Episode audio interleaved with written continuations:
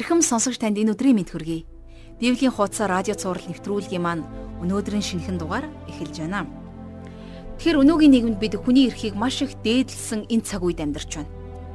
Тэгээд хүний хувийн орон зай, хувийн нууц, хүний өөрийн шийтсэн амьдрал гэх мэт маш олон зүйлийн тухай ярьдаг. Харин Библиэлд хэлснээр бол илчлэгдэхгүй нууц гэж байхгүй гэж хэлсэн байдаг. Өнөөгийн нийгмийн маш олон зүйл хүн чанараа бурханлаг чанараа алдахад уруу татсан зүйл ихсэж байна. Хүмүүс өөрсдийнхөө үнэн дүр төрхийн дагуу эрх чөлөөтэйгээр амьдрах боломжгүй байна. Харин Есүсийн хэлсэн нэгэн үгийг та санаж байна уу? Үнэн таныг чөлөөлнө гэж тэр хэлсэн. Энэхүү үгээр өнөөдрийн хичээлийг эхлүүлцгээе. Бид өнөөдөр Яаков номынхон 3 дугаар бүлгийн 5-аас 18 дугаар ишлэлийг уншиж судлах болно. Сонсогч та тэрл үннийг мэдээд энэ дэлхийн таныг эвдлэх зүйлсээс өөрсдийгөө нь чөлөөлж эрх чөлөөтэй амьдраарай гэж уриалж байна. Хамтдаа залбирцгаая. Бурхан аав минь таньдаа энэ цагийн төлөө баярлалаа Иесус. Энэ цагт та өөрийн үгээр дамжуулан дээрээс ирэх таны агуу мэрэгэн ухаан болон таны үгэн дээр айлтсанчлан газрынх төрөлхийнх бөгөөд зүтгэрийг гэгдэг тэрэл мэрэгэн ухааныг ойлгож ялгаж салгах ухаарлыг бидэнд өгөөч биднийг ам хилээ захирч хоёр нуур гаргалгүй харин итгэлээрээ замнагчд байхад бидэнд туслаарай. Энэ цагийн эхнээс нь дуусах хүртэл ариун сүнсээрээ та удирдах өөрийн үгийг бидний зүрх сэтгэлд сэлэн үлдээж өгөөрэй. Бүх зүйлийн төлөө тань талархал магтаалыг өргөж бидний эзэн Есүс Христийн нэрээр залбирanгуйж байна. Амен. Ингээд хамтдаа жаргал агшин хичээл анхаарлаа хандуулцгаая. За бид нар Яаковын 3 дугаар бүлгээс хил ярианы тухай судалж байгаа. За ингээд энэ хүү хичээлээ өнөөдөр үргэлжлүүлэн үзье. За өнөөдрийнхөө хичээлийг хамтдаа Яаков номынхон 3 дугаар бүлгийн 5-аас 6 дугаар ишлэлээр эхлүүлье. Түүнчлэн хилж гисэн биеийн жижиг эргэтэн атлаа. Агуу том зүйлсээр сайрхдаг ажээ. Харах тун. Өчүүхэн галч ямар их ой модыг түүмэрддэг вүлээ. Хил бол гал бөгөөд зүй бусын ертөнц аж. Хил нь бидний эргэтнүүдийн дунд байж бүх биеийг бузралдаг. Хил бидний амьдралын хүрдийг галдан шатаадаг бөгөөд өөрөө тамаар асч байдгиймаа гэж Яаков хэлсэн байна. За эндээс бол бид нэр хил гэдэг энэхүү жижигхэн эргэтэн ямар аюултай хөнөөлттэй болохыг мэдэж авлаа тийм ээ. Олон тохиолдолд та бидний хил олон асуудлуудыг ардаасаа дагуулж байдаг. За энд Яаковын хэрэгэлсэн там гэдэг үгийг грек хэлээр гехена гэсэн үгээр илэрхийлсэн байдаг. За гехена гэдэг энэ үг бол унтрашгүй галтай хиномын хөндий гэсэн утгатай. За яг энэ гехена гэдэг энэ үгийг бол шин гэрэн дээр 12 удаа за тодруулж хэлэх юм бол Есүс Христ 11 удаа харин Яаков 1 удаа буюу За саяын та бидний хамтдаа уншсан 5-аас 6 дугаар эшлэлдэр дурдсан байна. Өөрөөр хэлэх юм бол хүний хэлийг Яаков шууд утгаар нь тамаар асч байдаг зүйлээ гэж нэрлсэн байна, тийм ээ. Тэгэхээр хүний хэлийг ингэж тамтай зөөрлүүлсэн Яаковын энэ зөөрлөл бол маш сонирхолтой зөөрлөл байгаамаа. За та магадгүй ой ч юм уу эсвэл хээрийн төмөр харж байсан л бах. Ой модонд гал нэгэнд авалдсан бол маш их хор хөнөөлтэй. За тэгээ тэр галыг удирдах хянах ямар ч боломж байдаггүй. Тэм учраас энэ утгаараа бол ойн төмөр маш аюултай. А уул нь бол гал хүний хамгийн сайн нөхөр байсаар ирсэн. Зарим түүхчид хүн анх галыг нээснээс эхлэн соёл иргэншил бий болсон гэж үздэг. Тэгэхээр гал бидний хяналтанд дор байх үедээ хүнийг дулаацуулж хоол хүнсийг болгож эрчим хүчийг бий болгож байдаг тийм ээ. А харин гал хизээ хяналтнаас гарна тэр үед хамгийн аюултай хор хөнөөлтөй зүйл болж хуурдаг. Орон гэр гал түүмэрт автахаар ямар аимшигтай хохирол дагуулдаг билээд. Шүнж тэр өдөрч тэр галын машины дохиог сонсох бүртээ бид нар хаа нэгтээ гал хяналтнаас гарчээ дээ гэдгийг мэддэг. Өнөөдөр хүмүүс бид нар хөгжлийн өндөр түвшинд хүрсэн ч гэсэн галыг бүрэн хяналтандаа оруулж чадаагүй л байна. Эрт дээр үед Ром хот гал түүмэрт автаж байсан. 1666 онд Лондон түүмэрт бүрэн шатаж байсан. За 1671 онд Чикаго хотод гал гарч байсан. Өнөөдөр ч гэсэн бас гал түүмэр бидний амьдардаг хотод хаа сайгүй гардаг. А тэгвэл Яаковын хэлснээр хүний хил гэдэг бол яг л гал түүмэртэй адилхан. Хяналтанд ор байхдаа бол бидэнд маш их ач тусыг хүргэдэг. Харин хяналтнаас гарахаараа аимшигтэй сүрлийг авчрах чадaltaй. За тэр ч утгаараа хил болвол бидэнд ерөөлж болж чадна. За бас хараалж болж чадна. Сургаалт үгсийн 12-ын 16 дугаар ишлэлдэр ингэж бичсэн байна. Ил дээр дүрхтэй адил бодлогогүй ярддаг хүн байдаг бол мэрэгэн хүний хил илаашрлыг авчирдаг гэж. Тэгэхээр та бидний хил хөнөөгч сэлэмч болдог. За бас эдгээгч эмч болдог. Хүний хилийг үнэхээр гайхалтайгаар дүрслэн хэлсэн байгаа биз? За дахиад нэг сургаалт үгсийг харах юм бол сургаалт үгсийн 15-ын 4 дээр ангаадаг хил амийн мод юм аа. Харин хазааргүй хил сүнсийг боснуулдаг гэсэн үг өгдөг. За дээрэс нь бас нэг ийм үг өгдөг тийм ээ. Хилээгүй үг чинь таны боол. Харин хэлсэн үг чинь таны ноён болдгоо гэж. Та хилээгүй үгнийхээ төлөө хариуцлага хүлээхгүй шүү дээ. Харин нэгэнд таны амнаас үг унсан л бол тэр үгнийхээ төлөө та хариуцлага хүлээхээс аргагүй болно гэсэн үг.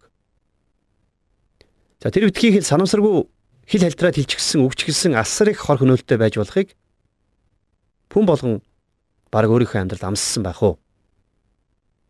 За тэр тусмаа олон нийтийн өмнө ярьсан үг бүр хариуцлагатай тийм ээ. Сонсогч танд Библийн боловсрол олгох Библийн хуудасар радио хичээл хурж байна. Санал бодлоотой 8983 1045 хуудсанд хандаж хэлээрэй. Бас манай Facebook хуудасаар зочилж болно. Хаяг нь facebook.com bibлийн хуудасаар. Есүсийн дагалдагч болох Симон Петр хүртэл бодлогогүй ярьж байгаад Есүсийг 3 удаа үгүйсгэсэн түүхтэй. А гítэл Пентекостийн өдөр буюу ариун сүнс анхны цуглаан дээр айлчилсан тэр өдөр Бурхан яг юуг ашигласан бэ? Тийм ээ, Симон Петрийн хэлийг л ашигласан шүү дээ. Тэгэхээр эндээс бид нэр хэл болвол хараалж байж чаддаг, бас өрөөлж байж чаддаг юм а гэдгийг харж байна. Үргэлжлүүлээд 7-оос 8 дугаар эшлэлдэр Учир нь төрөл бүрийн араатан амьтад шувууд хевлэр явагчд болон далай тэнгисийн амьтдыг хүн төрлөختөн номхруулж байгаа. Номхруулсаар ч ирсэн. Харин хинч хөлийг номхруулж чадахгүй. Хил бол үхлийн хороор дүүрсэн амралтгүй муухай эд мөн. За та аратан амтан тоглосон цирк үзэж байсан байж магадгүй. Аврах том арслан барыгч номхруулж гэрийн тижээвэр амтан шиг сургасан байдаг шүү дээ. Ямар ч зэрлэг амтныг багаас нь сургаж өөртөө дасгах юм бол зааж сургаж болдог тийм ээ. Арслагч тэр заанэгч тэр барыгч номхруулан сургах боломжтой. Харин энэ жижигхэн хил гэдэг энэхүү жижигхэн эрхтнийг бид нэр захирч номхруулж чаддаггүй. Бидний ярзаасан шүдний цаана байгаа энэ жижигхэн орон зайг л захирах гэдэг бол та бидний хувьд хамгийн хэцүү адармаатай тэмцэл байдаг. Яг үнэндээ бол хөлийг бүрэн захирч чадсан хүн нэгч байхгүй. Харин та бид нар яг Есүс шиг алдрын биетэй болох тэр үед Бурхнаар номхруулагдсан тэрхүү шин хөлийг хүлээж авах болно гэдэгт би итгэдэг. Паул Ромотынд бичсэн загтлынхаа 10 дугаар бүлгийн 9 дугаар ишлэлдэр хэлэхдээ хэрвээ та Есүсийг эзэн гэж амаараа хүлээн зөвшөөрч Бурхан түүнийг үхэгсдээс амьлуулсан гэдэгт зүрхэндээ итгэх юм бол аврагдана гэж хэлсэн байна. Өөрөөр хэлэх юм бол та бидний зүрх сэтгэлд юу байгааг бидний хэл яриа тунхаглаж байх ёстой гэсэн үг тийм ээ. Бидний зүрх бидний хил хоёр хоршин дуурч байх ёстой байх. Есүс нэгэн удаа учир нь зүрхний бялхлаас ам ярьдгаа гэж хэлсэн байдаг. За энэ үг бол Матай 12-ын 34-р эшлэлдэр байгаа. Өөрөөр хэлэх юм бол бидний зүрхэнд юу байгааг л бидний ам гаргаж тавьдаг гэсэн үг. Бидний зүрхэнд юу байна? Тэрнийгээ бид нэр орой хизээ нэгэн цагт гаргах л болно. Есүс хилгүү хүнийг идгэхдээ тэрний урууланд хүрсэн байдаг. Тэгвэл Есүс та бидний ч гэсэн бас урууланд хүрсэн гэдгийг битгий мартаарай. За 9-оос 10 дугаар ишлэл дээр бид хилээр эзэн ба эцгийг магтдаг. Бид түүгээр бурхны төрхөөр бүтээгдсэн хүмүүсийг хараадаг. Ерөөл хараал нэг л амнаас гардаг ажээ. Ах トゥ ус минь ээ ийм байж болохгүй гэж Яков бичсэн байна. Яг л энэ хилээрээ бид нар бурхныг магтан алдаршуулдаг. За бас л яг л энэ хилээрээ бид нар бурхныг гутаан доромжлох боломжтой юм байна. Тэгэхээр бидний хил яриа гэдэг бол биднийг ан амьтдаас ялгаж байдаг нэгэн томоохон зүйлээ гэж бид нар түрүү ярилцсан. Хүн болвол бич сармагчин ч биш, тод шувууч биш. Хүн хилээрээ мал хөлөөрөөч гэж ярьдаг. Хүмүүс бид нар хүмүүстэй ярилцаж ойлголцдог. Бас хүмүүс бид нар бурхантай ч харилцаж чаддаг. А гэхдээ хүмүүс бид нар ням гаргийнхаа цуглаан дээр яг л тэнгэр элчнэр шиг алтан гургалдаа шиг дууллаач 7 хоногийн босод өдрүүдэд нь бузар мууг амныхаа зоргоор ярьж чаддаг шүү дээ. Библиэлд энийг хоёр нүур гэж нэрлэдэг. Харамсалтай нь бид нэр ийм хоёр нүртэй ч байж чаддаг. Нэг ийм болсон явдал санаанд орж ирж байна. Банкны нэгэн салбар дээр нэг тийм бизнес эрхэлдэг эмэгтэй салбарын захиралтай нь яриад сууж байсан. Тэгээд тэр эмэгтэй тэр салбарын нэг тейлер залууг заагаад захиралт нь энэ залуу ёстой мундаг залуу шүү. Ням гарагт цуглаан дээр манай магтаалык удирддаг. За ёстой тэнгэр элч шиг дуу хоолойтой хүн шүү дээ гэж магтсан байна. Тэгээ хэдхэн өдрийн дараагаар тэр эмэгтэй салбарын захиралтаа уулзаад зогсож байтал хажууханд нь нэг хүн айхтар муухагаар хараал урсгаж байх юм гинэ. Өөний эмэгтэй гайхаж салбарын захирлаас гүн одоо энэ ямар хүн ийм муухай хараал урсгадаг юм бэ гэж асуусан чинь захирал нь урдаас нь энэ нөгөө таны магтаад байсан тэнгэр элч шиг магтан дууддаг залуучин штэ гэж хариулсан гэдэг. Тэгэхээр Яаков юу гэж хэлсэн байв нү гэхээр хүмүүс бид нар энэ л хэлээрээ бурхныг магтан алдаршуулж байдаг. За бас яг энэ л хэлээрээ бурхныг гутаан доромжилж байдаг. Бид нэг л амаараа энэ хоёр зүйлийг хоёулынгийн хийх чадвартай байдгаа гэсэн үг. Тэгэхээр энэ дэр нэг чухал зүйлийг ойлгох хэрэгтэй. Юу гэхээр бидний зүрхэнд юу байна? Тэрнийг л бидний ам ярьдаг юмаа гэж Библиэлд хэлсэн байгаа тийм ээ. Зүрхэнд чинь юу байна? Тэр нэг л өдөр таны амнаас гарна гэдгийг л та битгий мартаарай. 11-ээс 12 дугаар эшлэлдэр булгийн нэг ихээс цэвэр цэнгэг ба гашуун ус зэрэг гардаг билүү? Ах トゥ ус минь ээ. Инжирийн мод чидүүн жимсийг усан үзмийн мод инжирийг гаргаж чадах уу? Давстаа усч цэвэр цэнгэг ус гаргадаг вэ. За өөрөөр хэлэх юм бол хүн сайныг чилж муугч ярьж чаддаг хоёр нүртэй хуурамч хилтэн нэгэн байх боломжтой гэдгийг Яаков хэлж байгаа. Харин энэ дэлхий дээр давстай ус цэнгэг усыг зэрэг гаргадаг усны ундраг а эсвэл усан үзэм инжирийг зэрэг ургуулдаг мод гэж байхгүй. Тийм учраас Библи бидэнд хэлэхдээ хүний зүрх юугаар дүүрэн байна түүнийг л ярьдгаа гэж хэлсэн. Тийм учраас та бидний хэл бидний итгэлийг сэтгэлийг илчлэн харуулах толь болж битг. 13 дугаар ишлэлдэр та нарын дунд хин чин мэрэгэн агаад ухаалаг вэ. Тэр нь бие зүв авч яван мэрэгэн ухааны дүлгөөн зангаар үйлсээ харуул. Тэгэхээр бидний хэл болвол бидний итгэлийг гэрчлэн харуулахч боломжтой байгаа биз? Бидний хэл мэрэгэн ухааныг Бурхны үннийг тунхаглах чадaltaй. Бурхныг гэрчлэх чадвартай байдгаа гэсэн үг. 14 дугаар эшлэлдэр хэрэг зүрхэнд чинь гашуун атаархал ба хувиа хичээсэн зориг байх аваас битгий бардам үнний эсрэг битгий худлаа ир. Хүний атаархал хувиа хичээсэн байдал бол жинхэнэ итгэлийн үр жимс биш юм аа. Яаковын хэлэхдээ Христэд итгэгч болсон хэрнээ бодлогогүй мунхаг нэгний хэл яриа ямар байдгийг Христэд итгэгч ухаалаг нэгний хэл яриатай харьцуулан харуулсан байна тийм ээ. Сонсогч танд Библийн боловсрол олгох Библийн хуудасар радио хичээл хурж байна. Санал бодлоотой 8983 1045 хуудсанд хандаж хэлээрэй. Бас манай Facebook хуудасар зочилж болно. Хаяг нь facebook.com bibлийн хуудасар. Болгоомжгүй хэл яриатай итгэгч хүнийг харахтаа хүмүүсийн дотор энэ хүн үнэхээр бурхны хүүхэд мөн үү биш үү гэсэн эргэлзээ төрдөг. 7 хоногийн 6 өдөр нь хараал хэлж хилчгээд ням баригт ирээд юу ч болоогүй юм шиг магтан дуулж байгаа хүнийг жинхэнэ итгэгчээ гэж хэлэхэд үнэхээр хэцүү. Уг нь та бидний хэл энэ хоёрын аль нэгийг л гаргаж явах учиртай.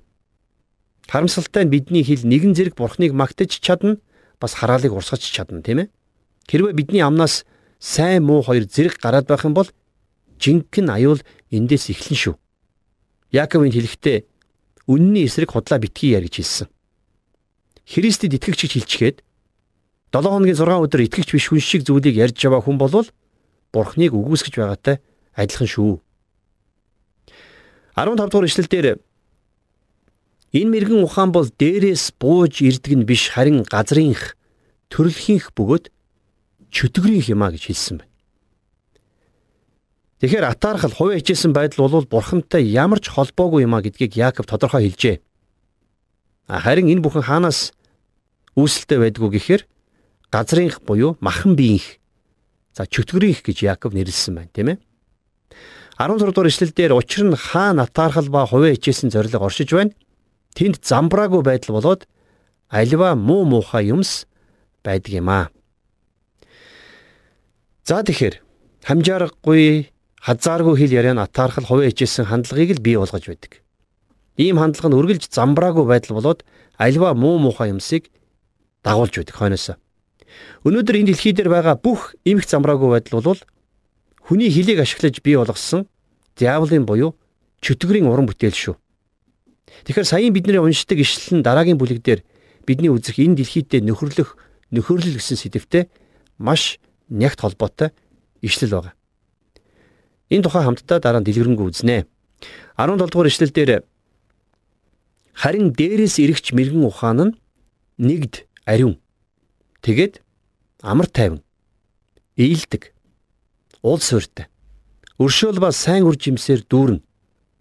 Ялгуурлдаггүй. Хоёр нүр гаргадаггүй ажээ гэж Яков хэлсэн байна. Дээрээс ирэгч мэрэгэн ухаан гэдэг нь Бурханаас өөрийнхөө итгэгч нарт өгдөг мэрэгэн ухааны тухай өгүүлж байна тийм ээ. Тэгэхээр энэ мэрэгэн ухаан бол ямар нэгэн хольцгүй, бохирдоогүй, цэвэр ариун ухаан. Энэ мэрэгэн ухаан бол зөвхөн Бурханаас л ирдэг мэрэгэн ухаан.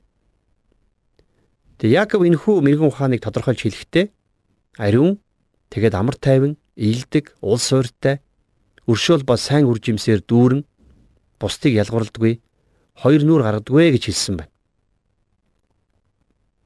Харин эсэргээр худал хуурмаг сургаал бол үргэлж замбраагүй байдлыг болоод альва муу муухай юмсыг бий болгож байдаг. Энэ дэлхий дээр байгаа бузар муу бүхнийг зөвхөн хүмүүстэй холбож тайлбарлах нь өрөөсгөл. Мэдээж хүний оролцоо бол байгаа. А гэхдээ энэн дээр нэмэгдээд чөтгөрийн оролцоо маш хүчтэй байдаг шүү. Тэмч учраас янз бүрийн худал хуурмаг шашинд юр бусын эд шидийн гэмээр зүйлс олон байдаг юм а. Хэрвээ байна имэгт замбраагүй байдал хагарал бузар мууг бий болгож л байгаа бол тэр нь бурхнаас биш харин бугаас эхлэлтэй гэдгийг л бид нэр таньж мэдж байх ёстой. Хүмүүс өнгөн тал дээр ямар ч ихтгэл үнэмшил ярьж болох ч гэсэн тэр хүний үйлдэл нь хэрвээ үл ойлголцол хагарал бузар муу мухай зүйлсийг бий болгож байгаа бол тэр хүн жинхэнэ хоньны арьс нүмерсэн чон байна гэдгийг л таних хэрэгтэй байдаг юм а. За 18 дугаар эшлэл дээр зөвхт байдлын үр жимст тэдний үр болбоос амар тайвныг бүтээгчдэр амар тайванд таригддаг юм а. Тэгэхээр та бидний итгэлийн үр жимс гэж бас байгаа тийм ээ. За энэ бол зөвхт байдал буюу зөвхт амьдрал. Тэгэхээр хүний амьдралд амар тайван бий болохын тулд эхлээд хүний амьдралд зөвхт байдал бий болох ёстой. Харамсалтай нь энийг хүмүүс ойлгодгүй юм. Зөвхт байдалгүйгээр хизээж хүний амьдралд амар тайван бий болох боломжгүй. Дуулал номын 85-ын 10 дугаар ишлэлдэр хайр инрэл болон үнэн хамтдаа уулзжээ. Зөв шудраг болон амар тайван бие биеэ үнсжээ гэж хэлсэн нь ийм очиртай. Есүс Христийг энэ дэлхий дээр ирэх үед яг л ийм зөв чударгын ба амар тайвны өдөр ноёлох болно. Харин өнөөдөр бол хайр инрэл болон үнэн зөв шудраг болон амар тайван бие биенээ хараахан олоогүй байна гэж би болдоо боддог. Тэгэхээр Яаков номын 3 дугаар бүлэг бол Яаковын загтлын нэгэн чухал сургаалын хаалтын бүлэг гэж тооцогддог. За энэ хүү сэдв бол Бурхан яаж та бидний итгэлийг жинхэнэ итгэл мөн эсхийг шалгадаг вэ гэсэн асуултын хариулт. Итгэл олон янз хүн өнөөдөр буруу зүйлд ч гэсэн итгэх боломжтой. А эсвэл бид нар бурханд итгэж байна гэж толгойд огчхоод тэрнийг итгэл гэж бас нэрлэж болно. А гэхдээ яг жинхэнэ итгэл бол за бидний яриад байгаа бидэнд авралыг өгөх тэр итгэл бол та бидний амьдралд сайн үйлсийг дагуулдаг байх ёстой гэдгийг л Яаков тодорхой хэлж байна. Тэгэхээр өнөөдрийн хүртэл бидний үздсэн энэхүү бүлгүүд дээр Яаков та бидний итгэлийг жинхэнэ эсхийг шалгадаг хэд хэдэн арга замуудыг бидэнд танилцуул. За юуны төрөнд бурхан бидний итгэлийг зовлон бэрхшээлээр дамжуулан шалгадаг. За хоёрдугаарт бурхан бидний итгэлийг бузар муугаар сорддоггүй. Муу муухайд уруу татдаггүй гэж бид нар үзсэн тийм ээ. Харин гуравдугаарт нь бурхан бидний итгэлийг үгээрээ шалгадаг. За дөрөвдүгüүрт нь бурхан та бидний итгэлийг бусдад хандаж байгаа бидний үйлдэл хандлагаар шалгаж байдаг. За харин эцэст нь буюу 5 дугаарт өнөөдрийн бидний үздсэнчлэн Бурхан бидний итгэлийг сайн үйлсээр маань шалгаж байдаг. За ингээд Бурхан бидний итгэлийг бидний хэл яриагаар шалгадгаа гэж бас бид нар үздсэн байна. За энэ бүхнээр дамжуулаад Яаков итгэгч хүний амьдралаас жинхэнэ итгэл гэрэлтэн харагдаж байх ёстой гэдгийг л бидэнд маш тодорхой сургаж ойлгуулсан гэж бодож байна. Ингээд дараагийн хичээлээр эргээд уулзъя.